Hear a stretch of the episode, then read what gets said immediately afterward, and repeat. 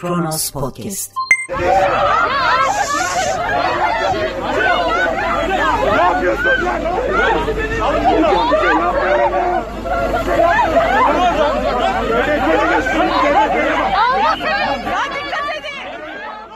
Haklı olduğunuz için bu kadar sertsiniz değil mi? Polis de onun için acımasız. Aman taviz vermeyin. Sonra gençler koltuğu altınızdan alıverir. Yetinmez bir de ülkeyi ele geçirirler. Kim bilir hangi terör örgütünün üyesi her biri zaten bu salgın ortamında bu soğukta çıkıyorlar protesto edeceğiz diye. Neyi protesto edeceksiniz? Her şey kanuni. Rektör atanmış. Kabul edeceksiniz. Biat edeceksiniz tabii ki. Niye baş kaldırıyorsunuz? Hoş devlet ona rağmen ne kadar hoşgörülü size. Çünkü başımızda yüce insanlar var. O yüce insanlar ki sizin bilmediğiniz ama üye olduğunuz terör örgütlerine dair çok şey biliyorlar. Onların istihbaratı var. Onların polisi var, askeri var ve onlar sizin adınıza neyin doğru olduğunu sizden çok daha iyi bilirler. İtiraz etmeyin. Salgın mı var? Onlar toplantı yapabilirler. Onlar hatta kongre düzenleyebilirler ama siz toplanıp protesto edemezsiniz. Çünkü salgın var. Ona rağmen mi yaptınız? E polisler de sizin iyiliğiniz için bu kadar şiddete başvuruyor. Eğer şimdi zaten kafanızı gözünüzü yarmazlarsa sonra siz canınızdan olursunuz. Her şey aslında sizin iyiliğiniz için gençler. Gelin direnmeyin. Merhaba. 2 Şubat 2021 Salı günün tarihi ve Kronos Haber'de Kronos günden başlıyor. Polis Boğaziçi eylemlerinde tip milletvekili Barış Atay'ı darp etti. İstanbul Emek Barış Demokrasi Güçleri Boğaziçi Üniversitesi öğrencileriyle dayanışmak için Kadıköy rıhtımda bir araya geldi. Polis basın açıklaması yapmak isteyenlerin arasına gaz bombası attı. Çok sayıda kişinin darp edilerek gözaltına alındığı eyleme bağımsız milletvekili Ahmet Şık, Türkiye İşçi Partisi milletvekili Barış Atay ve Türk Tabipleri Birliği Merkez Konseyi Başkanı Profesör Doktor Şebnem Korur Fincancı da destek verdi. Öğrencilere polis müdahalesini engellemek isteyen Türkiye İşçi Partisi milletvekili Barış Atay polis tarafından darp edildi. Türkiye İşçi Partisi'nin sosyal medya hesabından yapılan paylaşımda polis kayyum rektöre direnen öğrencilerle dayanışma için aşağı bakmayacağız diyerek Kadıköy'de toplanan halka ve milletvekilimiz Barış Atay Mengüllüoğlu'na saldırdı. Bu saldırılar mücadelemizi engelleyemeyecek denildi. Paylaşımda öğrencilere yönelik saldırıların durdurulması ve gözaltındaki öğrencilerin serbest bırakılması istendi. Bakınız bu insanlar bir araya geliyorlar ve diyorlar ki biz bu şekilde bir rektör atanmasını doğru bulmuyoruz, istemiyoruz. Siz de diyorsunuz diyorsunuz ki her şey kanunlara, kurallara uygun.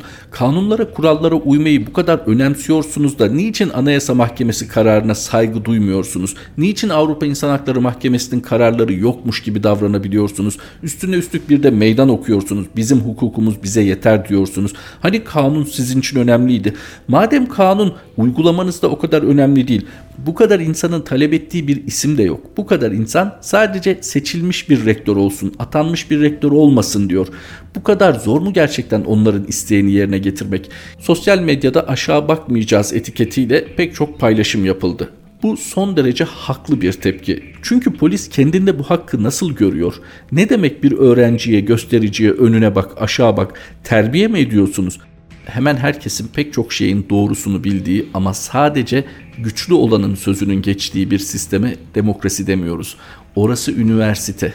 Hani Türkçe'ye çevirirken evrenkent dediğimiz varlığı itibarıyla evrensel olması gerekeni ille de milli ve yerli kılacağız diye bu kadar insanın kalbini kırmak ki yetinmediğiniz kafasını kırmak gerçekten sizi çok mu mutlu ediyor?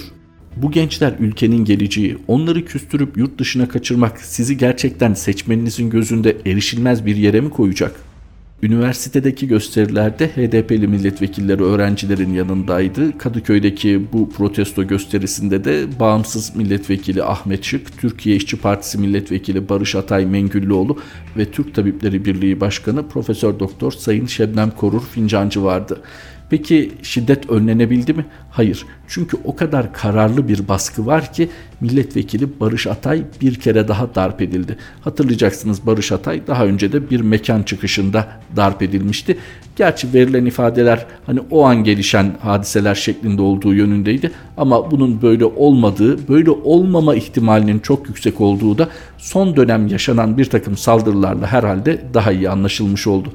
Profesör Doktor Melih Bulu'yu bunca itiraza rağmen oraya oturttuğunuzda ne olacak? İktidarınız mı pekişecek? Evet şu mesajı vermiş olacaksınız. Çok güçlüyüz. Fakat bu güç aynı zamanda muhalifini de güçlendirir. Öğrencilerin talep ettiği ya da akademisyenlerin talep ettiği Ahmet seçilsin ya da Ayşe seçilsin değil. Onların talebi üniversiteye yakışır biçimde demokratik bir seçimle görev başına gelsin rektör. Çok mu zor bunu uygulamak? Ama siz zaten bunun sinyallerini vermiştiniz. Akademiye müdahaleniz tabii ki ilk değil ve böyle giderse zaten sonda olmayacak. Sayenizde bir akademi de kalmayacak. Fakat anlaşılmayan şey şu. Peki ne olacak? Ne istiyorsunuz? Sonsuza kadar AK Parti yönetiminde kalsın diye mutabakat mı imzalansın taraflar arasında? Muhalifler tamamen çekilsin mi istiyorsunuz? Niçin muhalefetsiz bir sistem arzuluyorsunuz? Sadece muhalefeti niye siyasi partilere indirgiyorsunuz? Muhalefet dediğiniz bugün Boğaziçi Üniversitesi öğrencilerinin ve akademisyenlerinin ortaya koyduğu toplumsal muhalefet. Niçin oturup uzlaşmayı denemiyorsunuz? Gücünüzü halkınıza karşı ispat ettiğinizde dünyanın size saygı duyacağını, içeride de muhalif kalmayacağını mı düşünüyorsunuz? Faşizm tedbirlidir, faşizm kurnazdır ama faşizm akıllı değildir. Çünkü muhalifleri susturmaya çalışmak akıllıca değildir. Boğaziçi'li Müslüman öğrenciler, arkadaşlarımızın tutuklanmasını kabul etmiyoruz. Hazırladıkları bir videoyla arkadaşlarımızın kimlikleri üzerinden şeytanlaştırılmasını ve tutuklanmasını kabul etmiyoruz diyen Boğaziçi'li Müslüman öğrenciler grubu Kabe figürlü görsel tutuklamalarına itiraz etti. Çektikleri bir video ile görüşlerini dile getiren Boğaziçi'li Müslüman öğrenciler homofobik söylemler yargılanmıyorken bu arkadaşlarımın tutuklanmasını adaletsizlik olarak görüyorum. Öğrencilerin kimlikleri üzerinden şeytanlaştırılmasını ve tutuklanmasını kabul etmiyorum diye konuştu sanat eserinin inançlarıyla uyuşmadığını ancak bunun bir tutuklama gerekçesi olmadığını belirten öğrenciler Okulumda Müslüman kimliğimi özgürce yaşayan biri olarak sanat eserini fikir özgürlüğü olarak tanımlıyorum. Kutsal değerlerimin sanat eserinde kullanılan imgelerle zedelendiğini düşünmüyorum. Öğrencilerin kimlikleri üzerinden şeytanlaştırılmasını ve tutuklanmasını kabul etmiyorum dedi. Hani şu protesto gösterileri içinde öğrencilerin kararlılığını ve tutarlılığını taraf tutmadan şu açıklama kadar güzel parlatamazdı başka hiçbir şey herhalde. Çünkü muktedire sorsak din de kendilerinin Kaldı ki o yerde görülen Kabe görselinin oraya nasıl geldiğini, kim tarafından konulduğunu, işin içinde başka bir iş olup olmadığını biliyor muyuz, araştırdık mı? Orada bulunan çocuklar isimsiz olarak gönderilen sanat eserlerini paylaştıklarını söylüyorlar. O Kabe görselinin yere konulması konusundaysa henüz sağlıklı bir bilgimiz yok. Velev öyle nasıl bir ülkede yaşıyoruz biz? Yarın güç dengeleri değiştiğinde dini sembollere değil de bugün hani ifade özgürlüğü kapsamında ülkenin geçmişiyle ve önemli şahsiyetleriyle ilgili rahatça söylenen sözler var ya onlar cezalandırılmaya başlandığında ne yapacaksınız? O zaman tekrar mağdur ve mazlum rolüne mi bürüneceksiniz? Bu nasıl bir mağduriyet, bu nasıl bir mazlumiyettir ki ve nasıl bir din telakkisidir ki güçle buluşur buluşmaz hemen zayıfı ezmeye, iktidarını pekiştirmeye yöneliyor. Ortak bir demokrasi mücadelesi verilirken farklı kimliklerin hassasiyetlerinin gözetilmesi gerektiğini düşünüyorum. Ben inanan bir insanım ve bu resmi doğru bulmuyorum. Diğer inanan insanların da nefret suçu işlemeden inançlarını, rahatsızlıklarını ve kızgınlıklarını dile getirebileceğini düşünüyorum. Okul öğrencilerinin kimlikleri üzerinden şeytanlaştırılmasını ve tutuklanmasını kabul etmiyorum. Herhangi bir sanat eserinin değerler üzerinden tartışılmaması gerektiğini düşünüyorum. Sanat eserleri gücünü eleştirel bakış açısından ve özgürlükten alır. Okul arkadaşlarımın kimlikleri üzerinden şeytanlaştırılmasını ve tutuklanmasını kabul etmiyorum. Ben sanatsal ifadenin özgür kalması gerektiğini düşünüyorum. Rahatsızlıkların okul içerisinde dile getirilmesini doğal karşılıyorum. Ancak arkadaşlarımın dışarıdan hedef gösterilmesine karşıyım. Okul arkadaşlarımın kimlikleri üzerinden şeytanlaştırılmasını ve tutuklanmalarını kabul etmiyorum. İktidarı için önemli gördüğü her sahayı kontrol altına almak isteyen güç sahibi tabii ki tanımlara da karışacaktı ısrarla birilerini özellikle iktidarına mani gördüğü birilerini terörist olarak yaftalaması boşuna değil. Pervin Duru'nun yorumu Kronos Haber'de Boğaziçi eylemlerinde terörist kim? Türkiye'de her hükümet ancak devletin bütün aygıtlarını ele geçirirse iktidar olacağına inanıyor. Belki de bu yüzden normal vatandaş devlet ve hükümet arasındaki farkı tam olarak algılayamıyor. AKP iktidarı yasama ve yürütmeden sonra yargıyı da hızlıca ele geçirdi. Fakat kültür gibi daha az kurumsallaşmış aygıtlar üzerindeki iktidarları hala ne yaparlarsa yapsınlar sallantıda. Belki de bu yüzden Erdoğan 2015'ten beri sık sık kültürel iktidar eksikliğinden dert yanıyor. Bu kültürel iktidar kavramını Erdoğan'ı öğreten danışman muhtemelen yeterince yerli ve milli değil. Erdoğan'ın kültürel iktidar dediği şeyi sağlayabilmek için parti devlet kendi entelektüellerini ve sanatçılarını üretmeye de çalıştı. Yerli ve milli yani çok lafını edip hiç konuşmadıkları Arapça ve Farsça dahil hiçbir yabancı dil konuşmayan, az okumuş ve az okuyan, akil AKP entelektüeli modeli ortaya atılmadan önce Davutoğlu ve kankaları çevresinde Boğaziçi modelinden tek farkı derin sohbetleri bırakıp namaza gitmesi olan entelektüeller yetiştirmek için çok paralar harcandı. Ama sonra bu boğaz içili az biraz entel modelle de kavgaya tutuştular. Şimdi o adamlar adam diyorum çünkü çoğunluğu erkek entel olacağız derken erkekliği de elden bırakacak değiller tabii ki. Pardon şimdi o adamlar neredeler? Kimse bilmiyor. Bilmesi de gerekiyor mu bilmiyorum. Davutoğlu müthiş performansıyla Ak Boğaziçi'li ekibinin de demokrasi ve insan haklarıyla pek işinin olmadığını herkese gösterdi. Ben Erdoğan'ın Boğaziçi Üniversitesi'ne öfkesinin kendi Boğaziçi'li kankalarıyla arasının bozulmasıyla ilişkili olduğunu da düşünüyorum. Severek zenginleştirdiği bu çevreler şimdi zulüm gören kesim olmayı ve hatta muhalif olmayı öğreniyorlar. Altını çiziyorum. Zulme uğrayan olmayı da muhalif olmayı da sadece şimdi öğreniyorlar. Çünkü bu tatlı su İslamcılarına 80'lerde de 90'larda da dokunan olmadı. Yalan söylüyorlar. Neyse mesele onlar değil. Mesele Erdoğan'ın elde edemediği kültürel iktidarın, bu elde edilemeyen ve muhtemelen de asla edilemeyecek iktidarın Boğaziçi saplantısıyla ilişkisi. Boğaziçi Üniversitesi yerli ve milli olabilecek bir entelektüel kesimin oluşma ihtimali olan tek yüksek öğretim kurumuydu. Başörtüsü tartışmalarının zirve yaptığı zamanlarda inatla ve kapüşon geçir laiksin gibi ince bir mizahla başörtülü öğrencilerini okula soktu. Bazı meşhur trollerde siyasi hayatlarına bu Boğaziçi'li unvanıyla başladı. Boğaziçi aynı zamanda çeşitli sol, feminist, LGBTİ kolektiflere gerçek hayatta yaşadıkları şiddet ve baskı ortamından bir nebze özgürleşebildikleri bir alan sağlıyordu. Boğaziçi direnişi üzerinden dönen son tartışmalarda aman Kabe resmini yere koydular, aman kutsalımızı hakaret ettiler gibi saçmalıklarla LGBTİ gruplarda okul içinde ve genel olarak ülke genelinde hedef gösterildi. Kabe'nin kendisi kutsal olabilir de Kabe resmi ne zamandan beri saygı duyulması gereken bir puta dönüştü? Madem Kabe'niz bu kadar kutsal neden etrafını bilmem kaç yıldızlı otellerle çevirtip zemzem yudumlanarak seyredilebilecek bir metaya dönüştürdünüz?'' Melih Bulu'nun Boğaziçi'ne rektör olarak atanması Erdoğan'ın kankalar yoluyla güzellikle elde edemediğini güç kullanarak elde edebileceğini sanmasından ileri geliyor. Fakat güç kullanarak ya da o çevrelerde kimsenin ciddiye almadığı anti entelektüel troller yoluyla kültürel iktidar olunmuyor maalesef. Boğaziçi direnişini bastırmak için kullanılan yöntemler gösteriyor ki amaç artık kültürel iktidar falan değil. Amaç bazılarının ülkenin göz bebekleri dediği bu cesur öğrencileri keskin nişancılar, sayısız gözaltı, gözaltı sırasında kötü muamele ve işkence gibi yöntemlerle terörize etmek hiç yerli ve milli olmayan bir şekilde terör kelimesinin kökenine gidelim. Metinsel ve sözcüksel kaynak merkezi terörü genellikle despotik önlemler ve şiddetle ayakta tutulan ve ekstrem korkuya dayanan yönetim tarzı ya da siyasi rejim olarak tanımlıyor. Boğaziçi direnişine karşı kullanılan yöntemler bu ülkenin göz bebekleri denilen gençleri terörize etmek, travmalara sebep olmak ve bir daha seslerini çıkartmaya cesaret edemeyecekleri hale getirmeyi amaçlıyor. Öğrencileri, akademisyenleri terörist olarak adlandırıp tenkil ve imhalarını meşrulaştıran rejimin kendisi terör salıyor. Zaten genellikle en büyük terörist şu ya da bu grup değil, devletin ya da rejimin ta kendisi oluyor.'' Pervin Duru'nun yorumuydu. Boğaziçi eylemlerinde terörist kim diye soruyordu. Öne çıkan diğer başlıklarla devam edelim. Bahçeli, başkanlık sistemi yeni anayasayla kökleşecek, serpilecek. Cumhurbaşkanı Erdoğan'ın yeni anayasa çağrısına yanıt veren MHP Genel Başkanı Devlet Bahçeli, Türkiye'nin yeni bir anayasaya ihtiyacı olduğu açıktır. Milliyetçi Hareket Partisi'nin amacı, görüşü ve düşüncesi de bu yöndedir dedi. Erdoğan pazartesi günü kabine toplantısının ardından yaptığı açıklamada Cumhur İttifakı'ndaki ortağımızla anlaşmaya varmamız halinde yeni anayasa için harekete geçebiliriz demişti.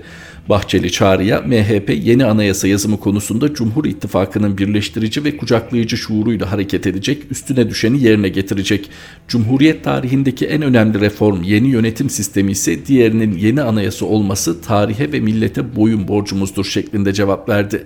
Yazılı açıklama yapan Devlet Bahçeli açıklamasında 2017 yılında yürürlüğe giren Cumhurbaşkanlığı hükümet sistemine atıfta bulunarak yeni yönetim hayatının güçlendiğini ve kuvvetler ayrımı arasındaki çizgilerin netleştiğini ifade etti. Herkesin bildiği ama tekrarında hiçbir mahzur olmayan hatta özellikle hatırda tutulması için tekrar edilmesi gereken konulardan biri MHP lideri Sayın Devlet Bahçeli'nin Cumhurbaşkanı Sayın Recep Tayyip Erdoğan'a muhalif olduğu dönemlerdeki tavrı o keskin, o köşeli tavır nedense bir aydınlanmayla 180 derece değişti ve artık Sayın Cumhurbaşkanı'nın hiçbir eksiğini, gediğini, hatasını duymadığımız bir Devlet Bahçeli buluverdik karşımızda. Ve o zaman muhalefet partisi saflarında saydığımız Milliyetçi Hareket Partisi ne olduysa Cumhur İttifakı'nın temel bileşenlerinden biri oldu. Peki Sayın Bahçeli bu değişimin gerekçesini açıkladı mı? Hayır. Hiçbir yerde bu konuyla ilgili tatmin edici bir açıklama olmadı. Hiçbir gazeteci de nasıl bu değişimi açıklıyorsunuz demedi. Onun için geri planına dair pek çok söylenti var ve bu değişimle ilgili söylentilerde taraflardan biri açıkça ortaya koyup diğeri teyit edene kadar herhalde tam bir netliğe kavuşmayacak. Gelelim bugüne. Sayın Bahçeli malumunuz Türkiye Cumhuriyeti tarihiyle problemi olmayan biri. Çünkü Adalet ve Kalkınma Partisi'nde Cumhuriyet tarihinin sıkça eleştirildiğini biliyoruz. Hatta Cumhurbaşkanı Erdoğan tarafından. Fakat Sayın Bahçeli'nin şu cümlesi ilginç değil mi? Cumhuriyet tarihindeki en önemli reform yeni yönetim sistemi ise diğerinin yeni anayasa olması tarihe ve millete boyun borcumuzdur. Nasıl Cumhuriyet tarihinin en önemli reformu oluverdi Cumhurbaşkanlığı hükümet sistemi? Buradan yine şunu anlıyoruz. Sayın Bahçeli ittifaka o kadar kıymet veriyor ki bu zemini hazırlayan ve devamını da muhtemelen sağlayacak olan Cumhurbaşkanlığı hükümet sistemini bir anda Cumhuriyet tarihindeki en önemli reform yaklaşımında bulunabiliyor siyasetin ilginç olduğunu, siyasetin hatta gerçeklerden zaman zaman çok kopuk olduğunu biliriz ama bu yaklaşım gerçekten dikkat çekici. Peki hızlıca anayasaya odaklanacak olursak gerçekten bir anayasa yazılabilir mi? Tabii ki yazılabilir ama bu anayasa her zaman vurgulandığı gibi geniş kesimlerin katılabileceği bir anayasa olur mu? Kesinlikle hayır. Oturulur bir heyet belirlenir, yazım süreci tamamlanır ve mevcut meclis ortamında da zaten çoğunluk varsa onaylanır, geçilir. Akabinde de gerekli altyapı sağlanarak referanduma da gidilir. Çünkü ne kadar otoriteryen olursa olsun bu tür rejimler bir şekilde halk onayını alarak dünyadaki muadillerine o gösteriyi yapmak istiyorlar. Burada da böyle bir netice olacağını zaten Sayın Cumhurbaşkanı ifadelerinden biliyoruz. Asıl üzerinde durulması gereken şu. Bu yeni anayasa hazırlığı bir oyalama mıdır? Bir gündem değiştirme çabası mıdır? Yoksa gerçekten mevcut hükümet sistemi yeni bir anayasa yapmaya izin verecek midir? Neyi kastediyoruz? Malum Cumhurbaşkanlığı hükümet sisteminde her ne kadar eleştirilse de bir gerçek var. O da bir ismin öne çıktığı. Her devlette öyle değil mi dersiniz ama kontrol denetim sistemleriyle o bir ismin sembolik kaldığı yerler olduğunu biliriz. Fakat bugün Türkiye'de Sayın Erdoğan'ın nüfuz edemediği bir alan yok. Özellikle yasama, yürütme, yargı dahil. Hal böyleyken mevcut hükümet sistemi içerisinde yeni bir anayasa ihtiyacı olduğunu kabul ediyorlarsa bu anayasayla bu hükümet sisteminde tek adamın yetkilerini sınırlayacak bir değişiklik yapılabilir mi? Ya da buradan tekrar parlamenter sisteme dönülecek bir yol açılabilir mi? Bunların hepsi süreçte muhalefete etkinlik sahası tanınıp tanınmayacağı ile ilgili. Ve böyle bir niyet varsa bile gerçekten yani bir yeni anayasa hazırlayacağız son derece demokratik olacak. Her şeyden önce siz bu anayasaya uyacak mısınız? Çünkü mevcut anayasamızda da sizi kısıtlayacak pek çok madde olmasına rağmen siz anayasa mahkemesinin kararlarına saygı duymadığınız gibi açık anayasa hükümlerini de çiğnemekte bir beis görmediniz. Yani zihniyet değişmeden kitapçıkların değişmesi bir şey ifade etmeyecek. Burada sadece siyaseten nasıl bir oyun planlanıyor, nasıl yeni bir oyun kurgulanıyor onu anlamak lazım. Belki de sadece ve sadece gündemi yatıştırmaya dönük. Boğaziçi protestolarından hareketle söylüyorum. Gündemi teskin etmeye dönük bir adım da olabilir. Ha orta uzun vadede bir anayasa çalışması yapılmaz mı? Yapılır elbette. Seçime doğru yol alındıkça özellikle neden tüm dünyanın gıpta edeceği bir anayasa taslağı çıkartılmasın ki ortaya? Bunun uygulanıp uygulanmaması zaten mevcut hükümet sisteminde bir kişinin iradesine kalmış. Kronos Haber'de günün öne çıkan başlıklarıyla Kronos gündemi aktardık. Tekrar buluşmak üzere. Hoşçakalın.